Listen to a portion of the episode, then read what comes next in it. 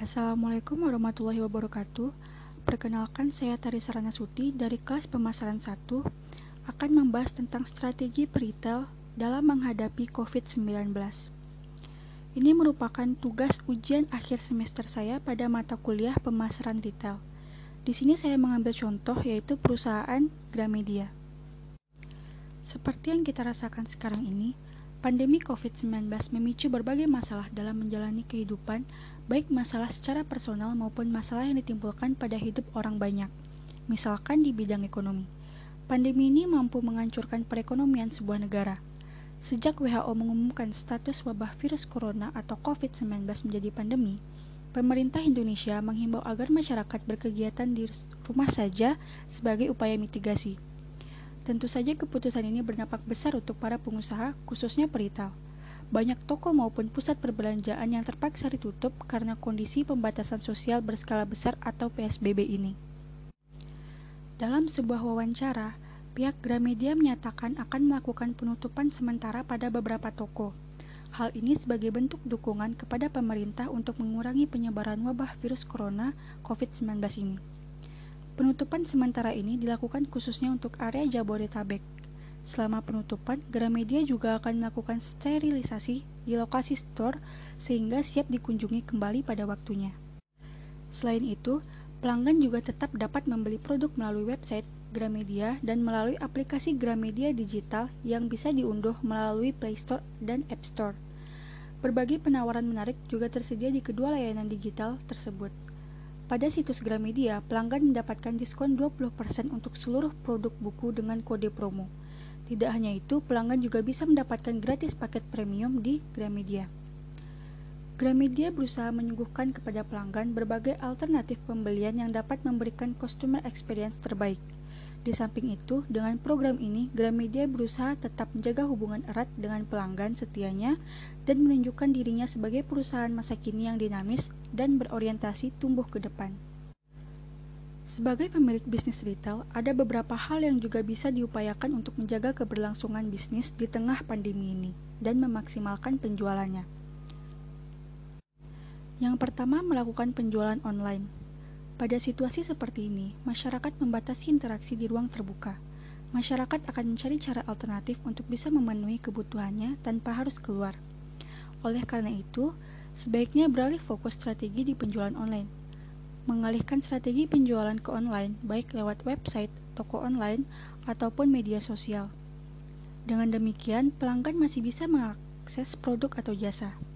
Setidaknya, cara ini bisa menyelamatkan dari kerugian-kerugian akibat turunnya penjualan di toko offline. Yang kedua, memperlakukan program promosi. Cara ini sepertinya sudah dilakukan para pebisnis dari banyak industri dalam menghadapi pandemi COVID-19 karena merupakan cara termudah untuk menstimulasi penjualan. Tetapi, para retailer kini tidak main-main dalam memperlakukan diskon pembelanjaan online. Ada banyak jenis promosi yang ditawarkan seperti potongan harga, bebas ongkos kirim, perpanjangan durasi pengembalian barang, dan masih banyak lagi. Perusahaan juga bisa membuat program promosi yang lebih menarik kepada pelanggan yang terdaftar sebagai member dengan menyesuaikan preferensi atau reward belanja pelanggan. Yang ketiga, perusahaan harus bernegosiasi dengan para supplier vendor. Proses procurement harus beralih dari proses negosiasi tradisional ke bagaimana cara memastikan alur logistik tetap terjaga. Jadi, cobalah ajukan beberapa keringanan pembayaran atau perubahan kebijakan lainnya dengan supplier. Dan yang keempat, mempersiapkan pemulihan. Perusahaan sebaiknya menghindari kekacauan seperti ini dengan menyusun strategi bisnis yang adaptif. Jika wabah COVID-19 ini berakhir, mulailah kembali ke standar statistik pemesanan berulang dan lakukan penyesuaian harga serta pengiriman barang. Bagi dunia perbukuan, dampak pandemi COVID-19 dirasakan sangat berat. Menurunnya pengunjung di berbagai pusat-pusat perbelanjaan dan toko-toko buku menyebabkan menurunnya penjualan buku secara nasional.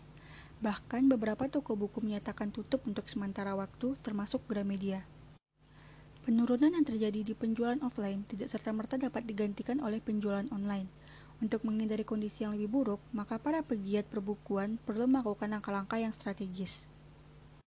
Yang pertama, mengubah pola produksi yang selama ini terjadi. Tidak beroperasinya toko buku secara optimal bisa menjadikan buku yang diproduksi menumpuk di gudang. Karena itu, strategi yang dilakukan untuk buku baru, penerbit hanya mencetak buku sesuai pesanan. Pola pre-order untuk buku baru bisa menjadi alternatif.